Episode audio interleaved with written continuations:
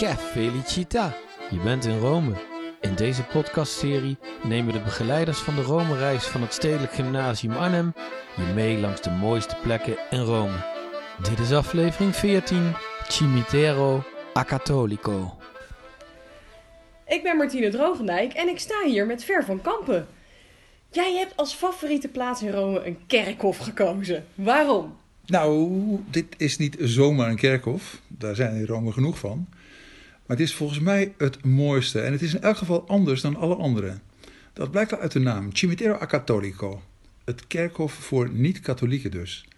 Op een gegeven moment heeft bijna iedereen het wel gehad met al dat katholicisme in Rome. En dan is dit je plaats. Het heet trouwens ook wel het protestantse kerkhof of het Cimitero degli Inglesi, kerkhof van de Engelsen. Die namen kloppen trouwens niet echt, want er liggen voor een groot deel niet-Engelsen en niet-protestanten. Maar waarom dan die naam kerkhof van de Engelsen? Dat is wel interessant. Tot in de 18e eeuw werden niet-katholieken, als ze al in Rome begraven werden, op een weinig eervolle plek gedumpt tussen de boeven en hoeren. In de buurt van de Pincio trouwens, bij een deel van de muur dat de Muro Torto heet. Na een verzoek van een verbannen Engelse vorst, James Stuart, kregen de Britten in de 18e eeuw toestemming om een kerkhof aan te leggen in de wijk Testaccio.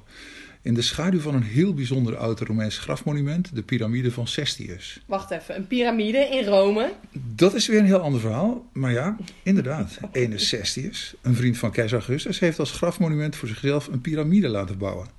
Is perfect bewaard, omdat hij in de latere stadsmuur geïntegreerd is.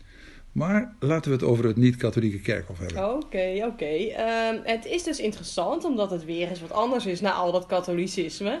Maar wat voor mensen liggen er dan begraven, behalve Engelse Anglikanen? Ja, die Engelse Anglikanen zijn inderdaad de protestanten waar het naar genoemd is. Maar er liggen ook andere types protestanten, Joden, Russisch-orthodoxe christenen. En natuurlijk een groot aantal mensen die er helemaal geen geloof op nahielden. Ook homoseksuelen, daar is of was de katholieke kerk, evenals allerlei andere godsdiensten trouwens, ook niet dol op. En wel op zich wel mooi dat er een plek is waar ze terecht konden dan uh, eigenlijk. Vanaf maar... toen wel, ja. ja.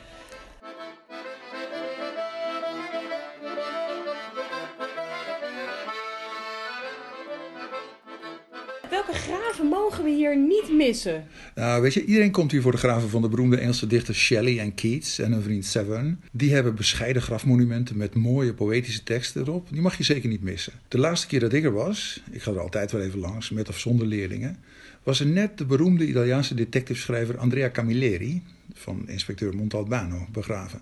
Okay. Een heel mooie grafsculptuur is de zogeheten Angel of Grief. Een standbeeld van een door verdriet verpletterde engel van de Amerikaanse beeldhouwer William Story ter ere van zijn gestorven vrouw. En zo zijn er nog duizenden andere graven tussen de cipressen, pijnbomen en jasmijn.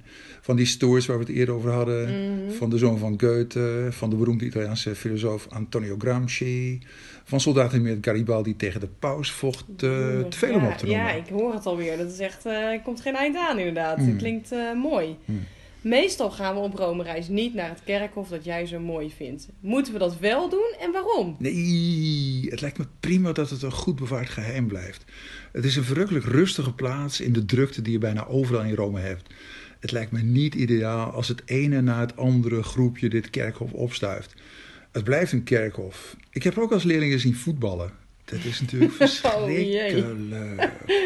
Laten we het maar over aan die leraren die toevallig wat tijd over hebben en de geest hebben. En zoals op zoveel plaatsen in Rome is er ook hier veel achterstallig onderhoud en veel monumenten zijn erg kwetsbaar.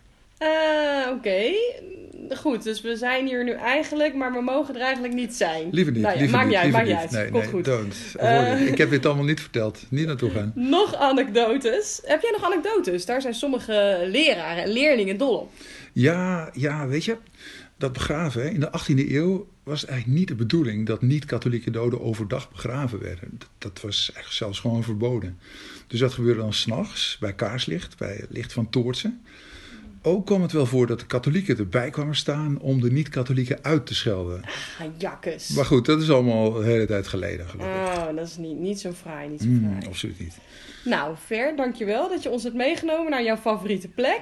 Nee, en very welkom. Dit waren Ver van Kampen en Martine Drogendijk vanuit Rome. Dank je. Geniet van je reis en luister ook naar de andere afleveringen van deze podcastserie. Yes.